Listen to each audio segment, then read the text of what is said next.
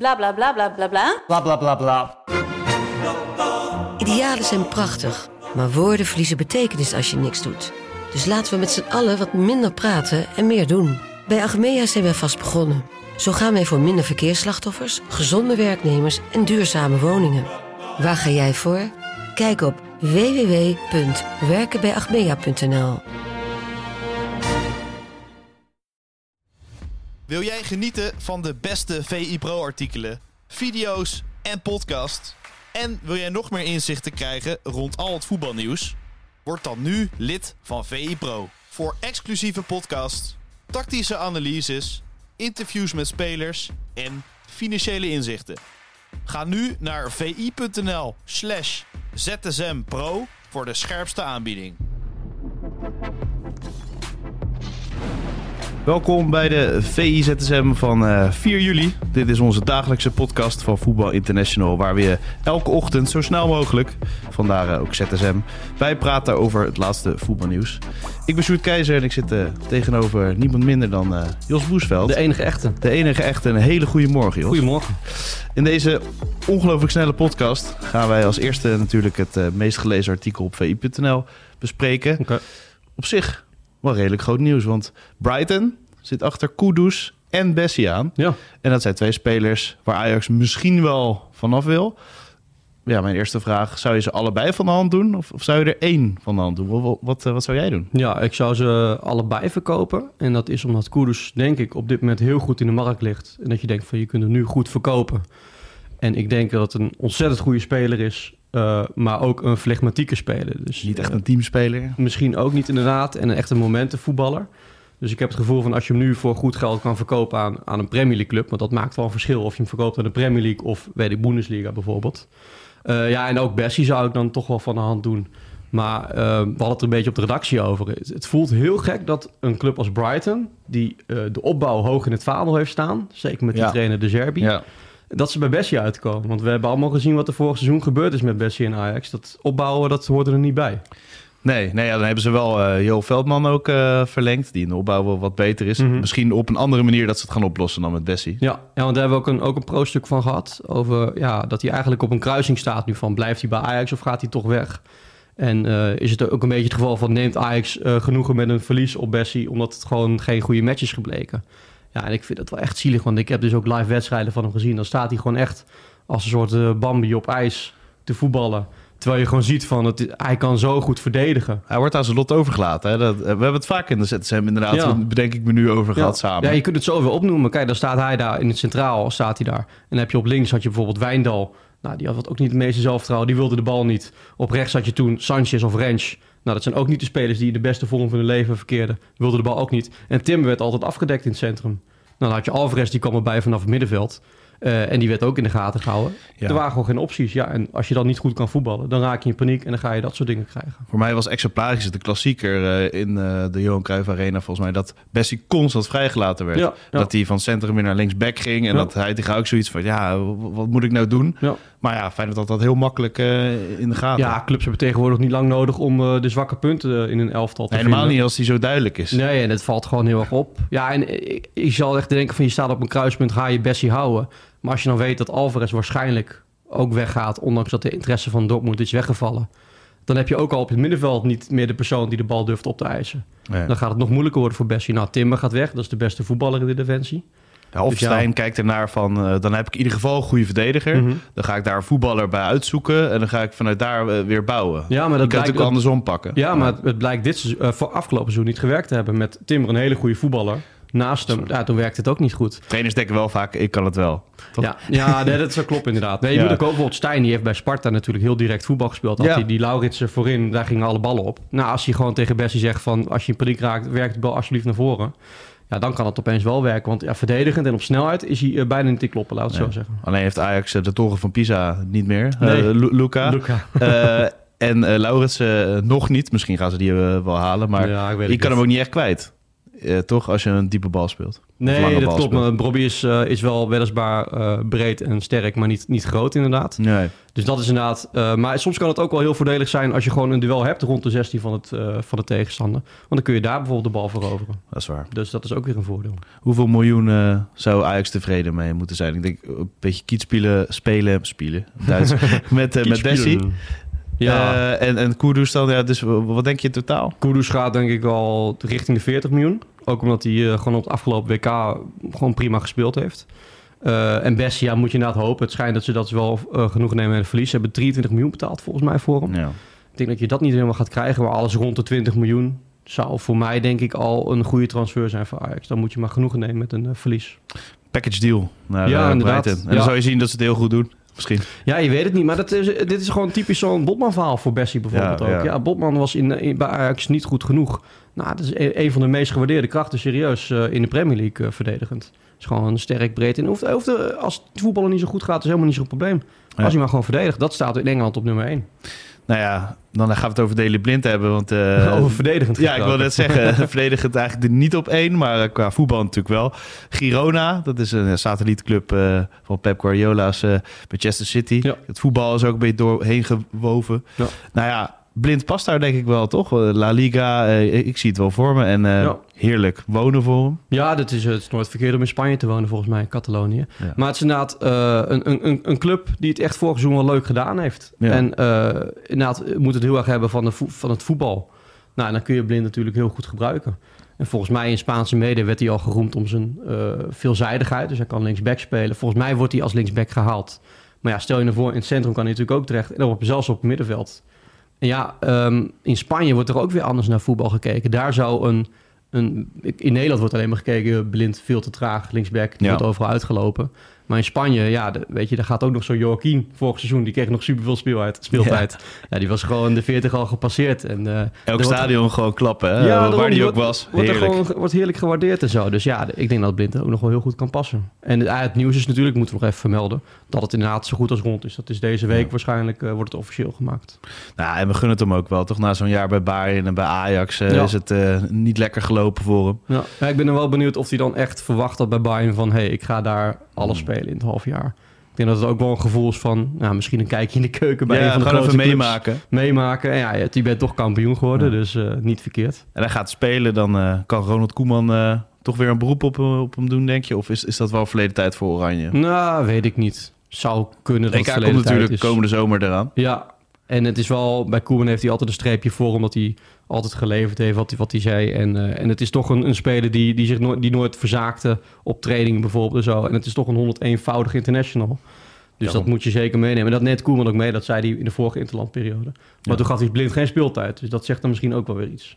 Nee, dat absoluut Ja. eh, waar. Dan gaan we naar het meest gelezen op eh VI Pro. Eh Feyenoord heeft een nieuwe organisatiestructuur. Ja, Ja, technische structuur. want eh, eigenlijk is eh Te Kloeze vanaf dit moment... of nou ja, was hij eigenlijk al technisch directeur en algemeen directeur. Al worden er wat dingen uit handen genomen door Jelle Goes... die Mhm. erbij is gekomen. Ja. Een mooie cv heeft hij onder andere... Ja, bijzonder hè? bij de UEFA ook gezeten. en eh, bondscoach van Utrecht. Estland. Dat je denkt, ja, hoor. Ja. bondscoach Estland. Een soort voetbalmanager carrière Ja, of zo. Ja. Maar goed, eh, ja, het wordt wat simpeler bij Feyenoord. Maar tegelijkertijd zie je de namen van de functies... en dan kan je ook een beetje de weg kwijtraken. hè? Ja, ja, ik heb ze even opgeschreven. Want ik, ik vind het wel grappig. Ik luister heel graag naar de Dik voor elkaar podcast. Daar zit jij natuurlijk ook altijd bij met Martijn en, eh, en Michel. En die, die moeten er altijd een beetje gekscherend lachen om hoe ze het in Amsterdam doen en hoe moeilijk ze het allemaal daar maken. En dan zie je het persbericht van Feyenoord dat ze een nieuwe technische structuur krijgen. En dan zie je die titels. Dus je hebt nu een, Feyenoord heeft nu een manager global voetbal, een manager recruitment and development, een manager international relations. En ze gaan nu doen aan loan management. Ja. Dat je denkt van ja, dit, eh, past dit bij Feyenoord? Dat kun jij misschien eh, als, als beste zeggen. Past het bij Feyenoord? Nou, het is, het is eigenlijk al in gang gezet Mhm. eh, door Frank Arnissen... die dit met eh, Sportsology eh, een bureau heeft ingehuurd. Van wat kan er weg in de organisatiestructuur? Mhm. Eh, wat moet erbij? Ehm, en dan krijg je inderdaad al die namen. En de jeugd is eh, opnieuw georganiseerd. Head ja. of Metallurgy heb Mhm. je ook nog. Koen Stam. Die zorgt voor het eh, gele voetbal in de jeugd tot en met het eerste dat dat hetzelfde is. Oké. Dus er zijn heel veel dingen gelijk getrokken Mhm. en eigenlijk simpeler gemaakt. Alleen de namen De namen zijn moeilijk. zijn ingewikkelder. Maar voor, mij is dan de vraag, is het nodig na zo'n geweldig seizoen? Was, was het nodig, een nieuwe structuur voor Feyenoord? Nou ja, eh, het ging natuurlijk goed. En te Kloese die heeft die taak eventjes overgenomen omdat Arnissen eruit geboenzoerd werd. Of Ja. nou ja, met zijn Ja, gezondheid. met gezondheid moest hij weg. Eh. Het ligt een beetje in het midden wat nou echt de waarheid is. Ja, hij ging weg in Eh, ieder geval. Ja, maar de Kloes heeft het natuurlijk goed gedaan, want 15 nieuwe spelers en er zijn heel veel eh, voltreffers. Ja. Dus als, jij, ja, als het hier bijvoorbeeld op de redactie heel erg goed gaat. Ehm, en eh, ja, je draait een fantastisch seizoen. We hebben superveel VE-pro-leden en Mhm. alles gaat goed. In de, deze structuur ga je dan nog iemand ertussen zetten. Mhm. En iemand met een andere mening. ehm, ja, dat kan wel voor frictie zorgen. Ja. Zo denken ze een beetje van, het gaat goed. Dus waarom zouden we daar niet mee doorgaan? Ja, dus hebben ze nu met dan die Jelle Goes hebben ze een soort tussenoplossing. Of hoe noem je dat? Dat ze iemand erbij zetten, maar niet erboven. Of Ja, niet wat- ernaast. Ja, want de Kloester die heeft eh vrouwenvoetbal ook, kreeg hij onder zich. eh, De jeugd veel Feyenoord. Ja, en een gedeelte gaat dus naar eh, Goes. Waardoor Ja. hij zich echt met de eerste helft kan bezighouden. Oké. Maar goed, het is wel de vraag. Heeft hij niet te veel macht? Wat, denk jij? Is het goed dat de lijntjes kort zijn? Of dat er te veel macht bij de Kloester ligt?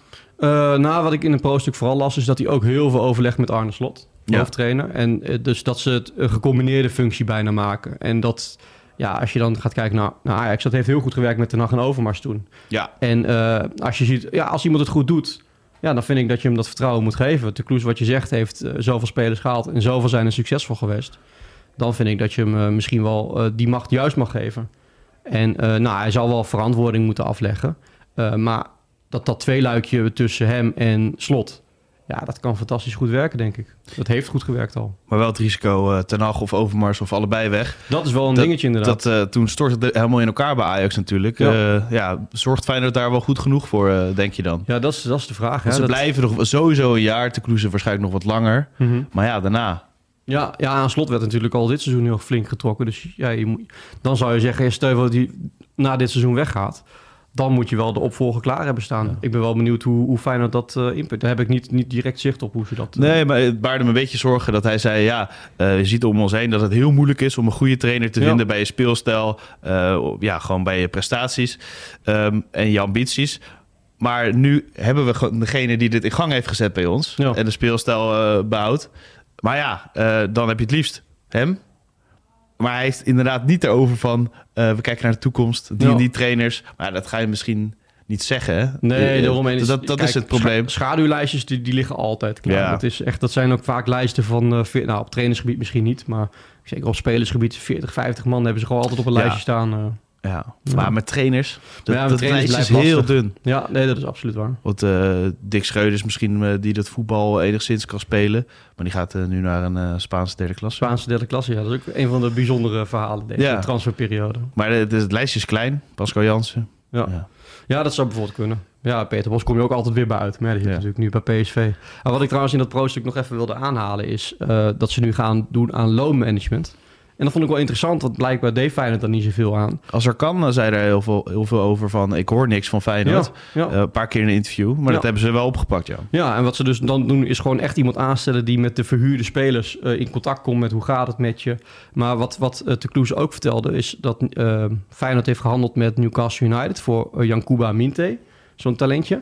En blijkbaar zijn ze gewoon al vier maanden uh, voordat die transfer officieel werd, is Newcastle gewoon naar Nederland gekomen. Gewoon even kijken in Rotterdam, uh, hoe is het trainingscomplex? Maar ook, waar gaat onze speler uh, komen te wonen? En hoe krijgt hij te eten en zijn voeding? Klinkt dat, heel goed. Ja, dat, dat, klinkt heel goed. En dat zei de Kloes ook van, ja, dit vond ik eigenlijk zo fantastisch. Want voor Newcastle is het gewoon een, een, een pareltje. Je hebt voor mij 9 miljoen betaald voor een hele ja. jonge speler. Daar gaan ze misschien heel veel aan verdienen. Maar dan moet je het wel, je moet er voorzichtig mee zijn. En toen zei hij ook van ja, wij zijn daar misschien iets minder uh, voorzichtig mee, want wij hebben dat nooit gehad. Dus daar gaan ze nu mee beginnen. Ik denk dat het alleen maar uh, heel goed is voor de talenten van uh, Feyenoord. Ja, het was echt in principe weg is weg ja. met, met verhuren. Out of sight, out of mind. Ja. Ja, en dan ja, zo'n speler als, als kan, die kan, zou ze bijvoorbeeld een waarde wel kunnen hebben als hij me, meer met Feyenoord in contact was gebleven, blijk, blijkbaar. En dan vind ik het ook best wel pijnlijk dat hij het in, in het publiek spreekt hij uit. Van, ja, ja het, het, was niet zo, de contact was, was eigenlijk niet aanwezig. Maar wel sterk dat de Kloes zegt, zal ook gelijk dat ze te weinig horen. Ja, ja. En dan er iets mee gaan doen in ja. plaats van... Uh... Nee, dat is dat getuige van iemand die, uh, die de prioriteiten goed op orde heeft. Hij ziet iets wat fout is, erkent de fout en pakt het aan. Nou, dan ben je goed bezig. Ook uh, op Pro goed gelezen trouwens. Je had het even al over Peter Bos. Ja. Ik zie op Twitter vooral, geen maatstaf voor, maar heel veel PSV-supporters überhaupt dat Peter Bos op het complex loopt en een foto van hem wordt gemaakt, maken ze gewoon al heel vrolijk. Ja, ja die, hebben er, die hebben er echt zin in. Er is echt nieuwe energie. Maar zoveel is er eigenlijk nog niet veranderd bij PSV. Nee, nee, nee, zeker niet. Ja, nee, dat, dat wordt ook letterlijk in het pro-stuk van Marco Timmer geschreven. Ja. Van, in het begin is het allemaal Hosanna en elke speler heeft weer het gevoel nieuwe trainer, nieuwe kansen, dit en dat. En na een week dan eh, is een beetje de eerste contouren worden al een beetje zichtbaar en dan komt al langzaam weer een beetje het chagrijn komt erin. Eh, ja, maar de- ja, mensen willen gewoon weer een fris seizoen. Voor mij, we hebben het allemaal op de redactie gehad hier. Je hebt dan even een tijdje gehad, weinig voetbal en dan is er nog wel het EK onder 21. Ja, Maar dat is ook weer je van het. Dus het is lekker dat gewoon de clubs weer gaan beginnen. Ja, een club als PSV natuurlijk heel veel volgers. Eh, nieuwe trainer, flinke vernieuwde technische staf. Dus ja, dat leeft, dat leeft heel erg. En als je het pro-stuk leest, het is gewoon even een uiteenzetting van de situatie van PSV. Wat, ah, wat staat er nu, wat gaat er veranderen? Nou, en mensen die, eh, die vinden het heerlijk om te lezen. Ik ook, ik hou er wel van. Zou je er enthousiast van worden als PSV-supporter? Als je dat pro-stuk leest? Eh, ja, tuurlijk, tuurlijk. Maar het is gewoon even, je bent weer even op de hoogte. Weet je, als je dan in de kantine loopt van je plaatselijke voetbalclub, kun jij even zeggen van ja, zo zit het bij PSV. Maar ik bedoel meer van... eh, had PSV niet als paar, paar spelers moeten aantrekken al? Want in de- Oh, in de- zo. ja, hoe ze er nu voor staan, had het niet al sneller moeten zijn. Omdat Ja. Bos ook wat ijs heeft. Verdedigen moet er natuurlijk echt wat, wat bij. Tenminste, daar lijkt het op. Als je de twee, laatste twee seizoenen bekijkt. Ja, dat is zeker waar. Ja, en over een maand spelen ze al de eerste wedstrijd hè, Ja. tegen Feyenoord in de Johan Cruijffschaal.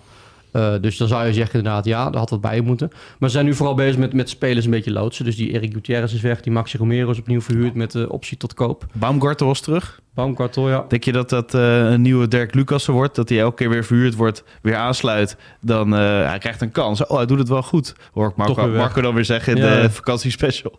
En dan, ja, weer weg. of Ja, of eh. de, wat hij heeft bij Union Berlin heeft hij wel laten zien dat het echt een goede verdediger is. Ja. Ja, het is ook een beetje de vraag hoe die, hoe die zelf daarin kan staan. Kan hij zichzelf nog een keer opladen om dat eh, in de eredivisie te gaan laten zien? Eh, ja, dat is volledig aan hem. Maar eh, dat, als, als hij in de Bundesliga goed mee kan, en dat kon hij, dan kan hij dat zeker bij PSV. Oké, mooi. Dan eh, heeft iedereen genoeg om te lezen als je dit nog niet eh, hebt gedaan. Ja, En dan eh, wil ik je bedanken voor je tijd, Jos. jij bedankt. Dankjewel. En tot ZSM. Wil jij genieten van de beste VI Pro artikelen, video's en podcast? En wil jij nog meer inzichten krijgen rond al het voetbalnieuws? Word dan nu lid van VI Pro. Voor exclusieve podcasts, tactische analyses, interviews met spelers en financiële inzichten. Ga nu naar vi.nl slash zsmpro voor de scherpste aanbieding.